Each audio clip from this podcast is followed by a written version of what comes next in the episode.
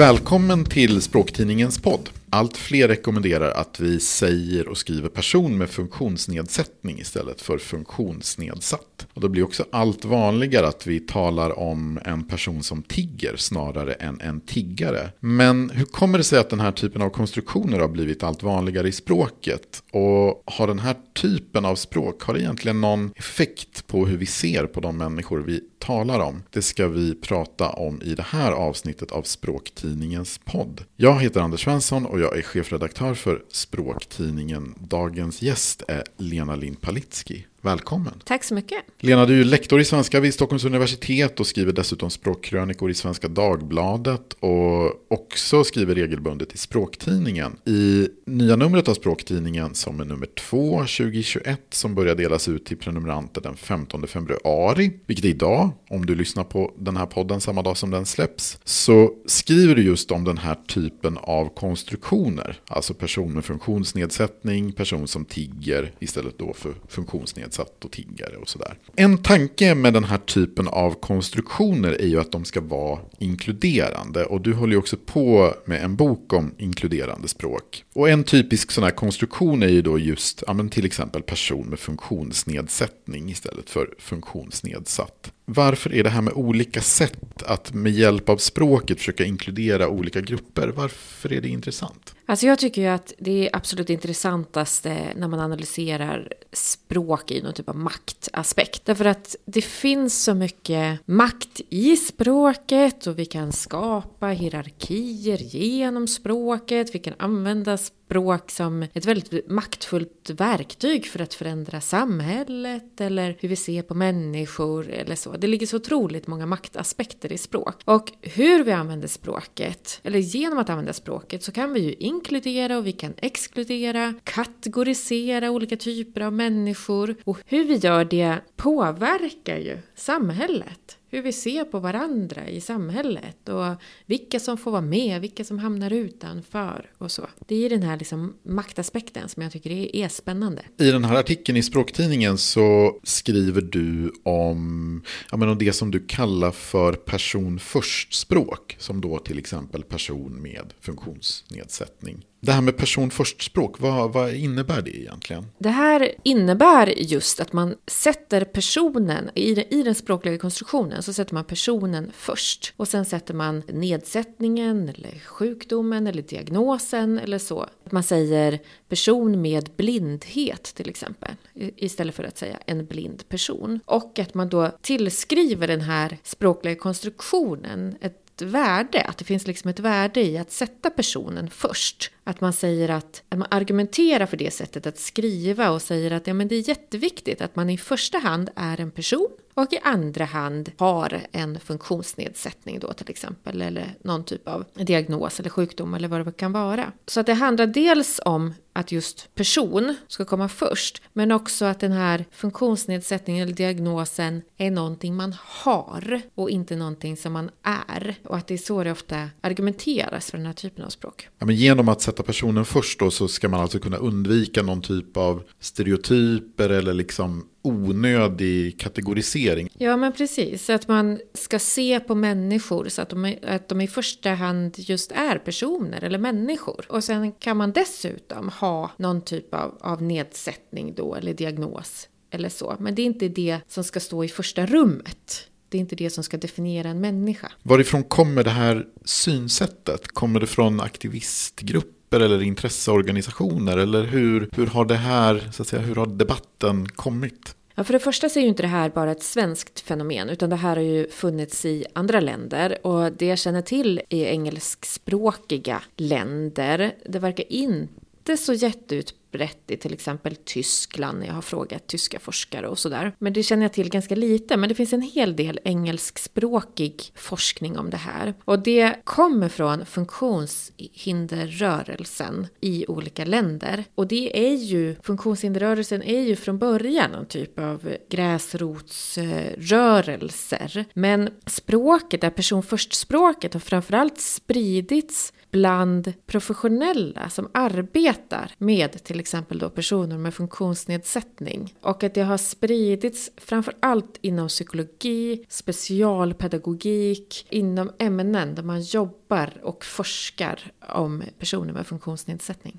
Ja, men så man kan säga att det kanske är en rörelse som så att säga började på gräsrotsnivå men som sen har ja, men åtminstone tagit sig in i ja, men till exempel den akademiska världen och kanske ja, men så här, vissa särskilda yrkesgrupper och så. Absolut. Och det började ju redan på 70-talet i engelskspråkiga länder att man började diskutera det här och att det här sättet, de här argumenten började komma och det här sättet att uttrycka sig började sprida sig. Men fram till kanske 90 80-talet så var det här ett sätt att uttrycka sig som fanns parallellt med andra sätt att uttrycka sig. Eh, så det var inte så alenarådande. Men sen har det spridits framför allt som inom fackspråket. Att man inom forskningen eller inom myndighetsvärlden när man har velat definiera en grupp av människor har använt den här typen av språk. Så om man tittar i till exempel Socialstyrelsens termbank i Sverige så är det här väldigt utbrett. Så det är ju någon typ av fackspråk. Och du sa i början att allt fler säger så här, jag är inte säker på att det är sant. Men det man kan se är att det finns en rörelse från fackspråket, där det här var, den här typen av språk har varit etablerat länge, till att röra sig mot allmänspråket också. När du tog det här exemplet med att man säger människor som tigger istället för tiggare så är det ofta i, i någon typ av mediekontext som man använder det då och rekommenderar att, att skriva på det sättet. Och då är det ju inte fackspråk längre utan man kan liksom se att den här typen av tankegångar har spridit sig från,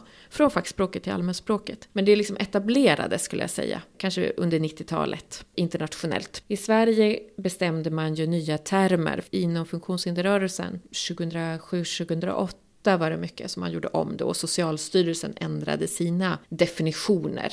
Så. Ja, precis. För åtminstone på vissa håll så har ju det här med ja, person först blivit lite av norm. Och nu SVT, ja, men där kan man nog inte säga att det är en norm. Men SVT har i alla fall en intern rekommendation där man då säger att det är bättre bättre att säga en person som tigger istället för tiggare. Sen så tror jag att om man faktiskt kollar på bruket så varierar det ganska rejält. Men det finns i alla fall en sån utgångspunkt att man tycker att det här är ett bra och lämpligt språk. Vad är det för resonemang som ligger bakom en sån rekommendation?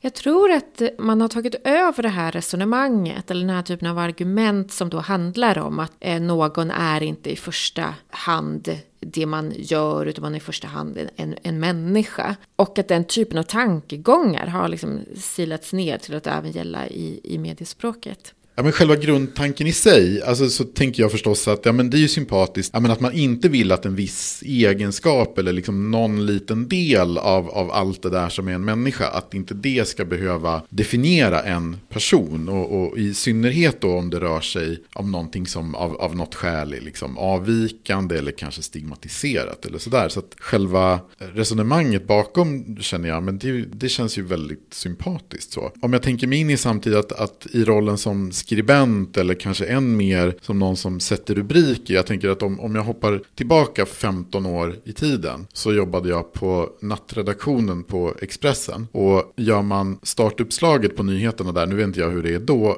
eller hur det är idag. Men då, då är det i alla fall att den första rubriken på nyhetsstarten, den får inte vara lägre än 148 punkter. Med andra ord, du får inte plats med jättemycket. Ska man skriva så att säga till exempel person som tigger, då har du nästan fyllt den där raden om det nu ska vara 148 punkter. Och har du tiggare, ja då kanske du kan få in lite mer. Att då kanske det kan bli eh, tiggare vann idol eller vad man nu kan, vad man nu kan tänka sig för någonting. Så att i vissa sammanhang som skribent så kan ju det här med person först kanske bli lite knepigt eller snarare kanske lite opraktiskt. Som skribent, hur ska man väga de här intressena mot varandra? Att å ena sidan har du någonting som då i regel då betraktas som inkluderande mot att välja någonting som är kanske tydligare och enklare men som också då samtidigt kanske återskapar stereotyper. Hur ska man tänka här? Det där är ju superklurigt. Alltså det här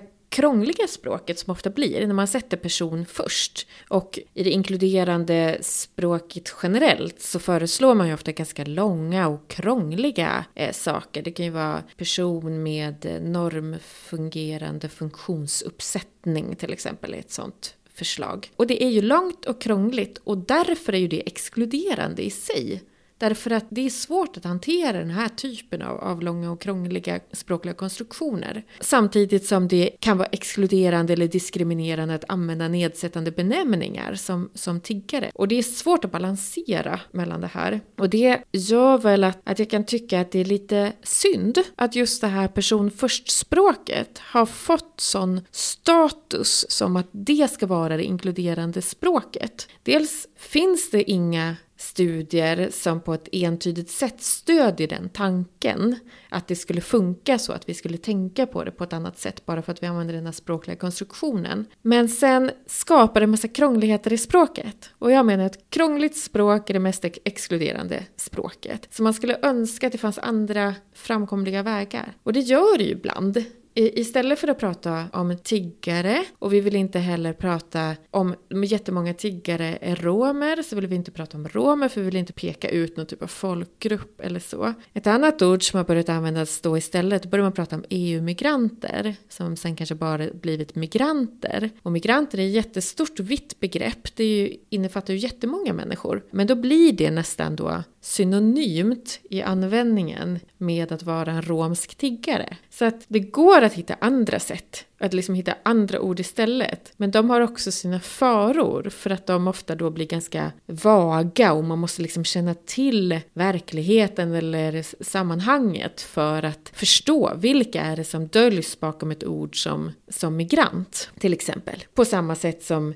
tiggare kan ju också vara, var, varför förknippar väldigt många det bara med, med, med romska tiggare till exempel? Ja, det är för också, också för att vi har något typ av kunskap om världen eller samhället eller som det ser ut just då. Men den här typen av benämningar är ju känsliga och jättesvårt att hitta rätt. Och jag tror att som tidningsskribent eller vilken skribent som helst så måste man också fundera på att inte slentrianmässigt återskapa benämningen som man har använt utan fundera på men vad är det som är relevant att lyfta fram i det här sammanhanget. Om du skulle ha en rubrik som tiggare vann Idol, varför är det ens relevant att det är en tiggare? Då skulle du kunna skriva Sebastian vann Idol eller vad det nu kan vara, att det är, man kan lyfta fram någonting annat. Så jag tror man måste börja den änden hände.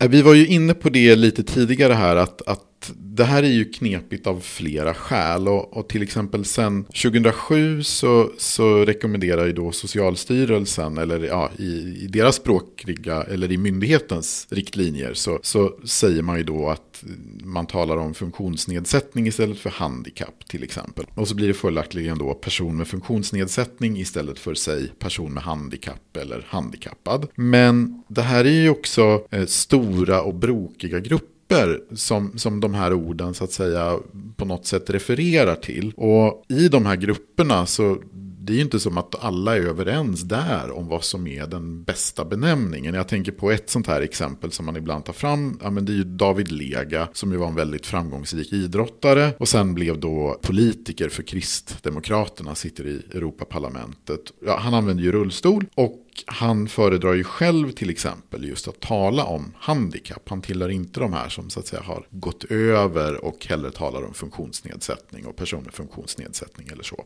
Hur ska jag tänka som skribent i en sån situation? Om vi leker med tanken att jag intervjuar David Lega och han just använder handikappad och det är det ordet som han föredrar. Hur balanserar jag där? Alltså, då kommer man ju in på den här frågan som, som vi forskare ibland då pratar om som benämnande makt. Alltså vem har rätt att benämna vem? Vem ska bestämma vad vem ska kallas? Och det som är intressant med just det här person först-språket där är det faktiskt ganska mycket så att det är personer utan funktionsnedsättning som har bestämt att det här med att säga till exempel person med blindhet det är det bästa sättet att benämna någon person som inte ser. Och då kan man fundera på den maktaspekten. Så här, vem är det egentligen som ska bestämma? Och en bra grundtanke tycker jag egentligen är att man rätten till självbenämnande ska ju vara stark. För vem är du att komma och säga att, att han inte får kalla sig för handikappad om han vill det? Han måste ju få benämna sig själv på det sätt som han själv vill. Och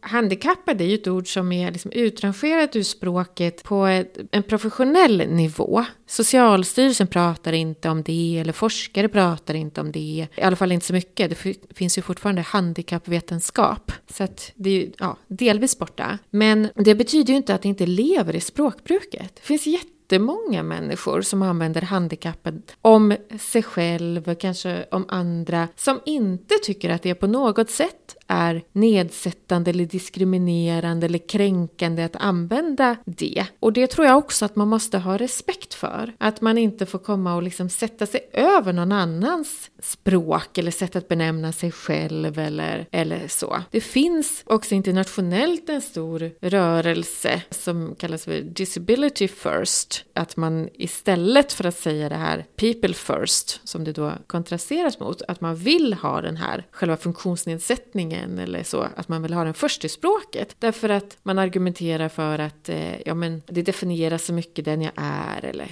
eller så. Så att det finns ju motstridigheter i det här, där det också finns en tendens till att i de fall där människor benämner sig själva så använder man inte så ofta person först-språket. Och i de grupper som har en egen stark röst i samhället så använder man andra benämningar där inte personen kommer först. Till exempel döva, så pratar du aldrig om person med dövhet. Och i dövrörelsen så har inte det varit en stor fråga som jag har förstått det. Och eh, aspergare, det finns en organisation som heter Organiserade aspergare som då själva kallar sig för aspergare, inte person inom autismspektrumdiagnos eller vad det nu benämns officiellt. Och det jag tror att man också måste komma ihåg då är att vi behöver ju språk på olika nivåer. Vi behöver ord och benämningar på en formell fackspråklig nivå. Socialstyrelsen eller Försäkringskassan, de måste ha en benämning som funkar för alla och som ofta har ett rättighetsperspektiv. Att det är så här, om du definieras inom den här gruppen så har du de här rättigheterna. Om du är person med funktionsnedsättning kan du ha rätt till färdtjänst eller assistans eller någonting sånt. Och då är det väldigt viktigt att ha liksom en sån benämning. Men sen behöver vi andra ord i vardagsspråket och vi behöver många olika ord. Och då kan det vara helt okej okay att använda både handikappad för det kanske är liksom smidigast i ett visst sammanhang eller du kanske inte säger att du är en person med blindhet. Du kanske säger att du ser väldigt dåligt eller att du har en stark synnedsättning eller att du är blind eller och att man kan använda olika ord i olika sammanhang. För så funkar ju språket. Vi har ju massa olika ord för ungefär samma sak en del är mer vardagliga, en del är mer formella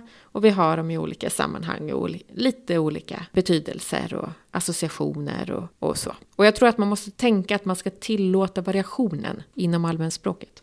Men det finns ju också de som tvivlar på att den här person först-principen har den här avsedda effekten. Vad, vad vet vi om hur det fungerar i praktiken? Ja, man vet ju lite. Det finns en del forskning som är ganska motstridig. Det vi vet är ju att den här typen av språk används mer i fackspråket än allmänspråket. Vi vet också att när man har gjort psykologiska studier och testat om man uppfattar personer annorlunda för att man använder person först konstruktioner så får man inga entydiga resultat. Utan det kan vara så att vissa uppfattar det så, men väldigt många gör det inte. Så att egentligen så finns det inga belägg för att det skulle liksom ändra vårt sätt att tänka eller så. Och sen kan man ju titta på bruket, vilket jag har gjort en del, och, och titta på ja, men när används då de här benämningarna? Om vilka personer? Om vilka egenskaper? Vilka sjukdomar och så vidare? Och då kan man ju se att när det är liksom noga med att använda det här personförstspråket, då är det alltid för att man vill framställa någonting som är liksom avvikande från normen eller någonting stigmatiserat. Att det alltid är liksom en nedsättning eller en avvikelse, en diagnos eller någonting sånt. Man använder aldrig det här personförstspråket om någonting som är vad ska man kalla normalt eller inom normen eller vanligt eller så. Det finns ju ingen som, som står och säger att så här, men du måste säga att du är en person med förkylning. Du får inte säga att du är förkyld eller liknande. Person med magsjuka. Du kan visst säga att du är magsjuk. Och det visar ju på något sätt att när man använder den här typen av konstruktioner då signalerar det snarare så här kommer något avvikande, här kommer någonting stigmatiserat. Och då får det ju motsatt effekt då är det ju inte inkluderande, utan då är det ju snarare ett sätt att särskilja normen från icke-normen genom språket. Men kan det också vara så att eh, när person först-principen används, att den kanske egentligen då säger mer om skribenten än om de personer som beskrivs. Ja, absolut. För att om man tänker så här, vad har vi för bevekelsegrunder för att skriva på ett visst sätt eller använda språket på ett visst sätt? Och väldigt många vill ju använda, alltså syftet, intentionerna är ju väldigt goda. Man vill använda språket på ett sätt som är inkluderande, man är mån om att inte diskriminera eller uttrycka sig kränkande på något sätt och man vill visa respekt för den man talar eller skriver om. Och då är ju det här personförstspråket och har länge då varit behäftat med den typen av associationer. Att här, det här är ett respektfullt sätt att uttrycka sig jag har liksom tänkt till när jag uttrycker mig på det här sättet. Så på det sättet så kan det ju vara en signal om att eh, avsändaren eller skribenten är medveten, man är inne i diskussionen, har koll på att det här är liksom, ses som ett inkluderande språk och så vidare. Så det säger ju mycket om skribenten och skribentens kunskap om fältet och, och så vidare. Men sen är ju frågan hur det framstår och om man använder ett språk som är väldigt avvikande avvikande från det naturliga språket eller vad man ska kalla det så får ju det också andra effekter. Så det är ju väldigt komplext. Det kan ge liksom en signal om att hej, här kommer någonting stigmatiserat. Men det kan ju också sända en signal om att här är en medveten skribent som, som verkligen vill visa respekt för en viss grupp av människor. Jag tycker att det där är intressant för som sagt, ja, men som SVT har ju då, ja, men för vad kan det vara, fyra, fem år sedan eller någonting i den stilen så kom ju den här rekommendationen att eh, säg hellre person som tigger än tiggare till exempel. Men den följdes ju inte av rekommendationen att säg person som spelar tennis eller person som leder program. Utan där kan man fortfarande säga tennisspelare och programledare. För att det är, så att säga, det är företeelser som eftersträvansvärda eller åtminstone så att säga ligger inom, ja, men som inte är stigmatiserade. Det här kan ju vara ganska knepigt men om, om jag sitter och skriver här då, ja, men säg att jag skriver om personer som tigger. Vad är det bästa att göra? För det första tror jag att man, att man måste fundera på vad är det jag vill säga någonting om? Eh, vad är det som är relevant att ta med överhuvudtaget? Och om man ska skriva om en viss grupp av människor då beror det ju på sammanhanget. Att det kan verkligen vara motiverat att skriva till exempel person med funktionsnedsättning i en formell text om man till exempel pratar om rättigheter. Jag var och pratade en gång på Synskadades riksförbund och då pratade pratade vi om olika typer av benämningar och vi pratade om det här med person med blindhet som är väldigt utbrett inom till exempel specialpedagogiken och bland psykologer att det är så man uttrycker sig. Men där var inte det speciellt utbrett. Och vi pratade om så här, det här med synnedsättning, synskada, det finns liksom många olika ord som, som diskuteras i omlopp. Och sen när jag frågade då de här människorna som satt där, som var med, att så här, men hur benämner ni er? Vad föredrar ni för någon typ av benämning? Utbildning. Och då var det en kvinna som räckte upp handen och så sa hon, ja men jag brukar säga att jag ser väldigt dåligt. Och det tyckte jag var så bra, för att det är ju ett otroligt vardagligt sätt att uttrycka det som hon har svårt med i vardagen och som beskriver det på ett begripligt sätt som alla förstår. Och det är kanske så man måste tänka som skribent också. Vad av det här är det jag vill lyfta fram? Det kanske räcker att skriva då om en... Du behöver inte skriva om en person med blindhet. Du kan skriva att eh, den här personen har i princip inte sett någonting sedan fyra års ålder eller liksom beskriva vad det är som är relevant i, i sammanhanget. Så jag tror att man ska komma bort från att det ska finnas liksom en fastslagen benämning som alltid ska gälla i alla sammanhang och som är den rätta som man ska säga just nu. Det kan man ofta få frågan om, om man är språkvårdare, så som jag har varit, att så här, vad är det för benämning som gäller just nu? Vad är det vi ska säga? Och att vi måste komma bort från det sättet att tänka. Det finns ingen benämning som man kan slå fast att så här, det här är det som gäller just nu. Utan vi måste kanske använda olika ord i olika sammanhang och tänka efter lite. För så gör vi ju om alla människor, att vi använder olika ord i olika, olika sammanhang. Men det är ju som att många är rädda för att, att kränka eller uttrycka sig på ett diskriminerande sätt. Och då är det så skönt att ha någonting att hålla sig i och tänker att ja, men vad är det som gäller just nu? Ja, det verkar vara det här person med funktionsvariation. Ja, men då använder jag det. För att man också då vill visa att man själv hänger med och vill visa respekt och så. Har väldigt goda intentioner. Men jag tror att man måste backa ett steg från det och kanske inte klamra sig fast vid de här listorna med ord. För det andra tror jag att man verkligen ska tänka efter så att inte de här uttrycken som man använder blir alldeles för vida. För det ofta är det som händer när vi byter benämning och använder de här person först benämningarna. Att först kanske man säger flykting och sen kommer man på att ja, men det kanske inte är tillräckligt respektfullt då eller eh, vi ska sätta människorna först. Och då har jag bland annat hört en, en rekommendation som har varit att ja, men istället ska vi skriva personer med erfarenhet av flykt. Och ett annat exempel är att istället för att prata om en hiv-positiva man säga, person som lever med hiv. Och det som händer när man byter de här benämningarna, dels blir det ju många fler ord och det blir liksom krångligare på det sättet. Men det blir också så att gruppen av människor som man liksom ringar in, som man refererar till med det här uttrycket, blir ju väldigt mycket större. Personer med erfarenhet av flykt, det är väldigt många fler människor än de som vi refererar, refererar till när vi säger flyktingar. Och på det sättet så blir ju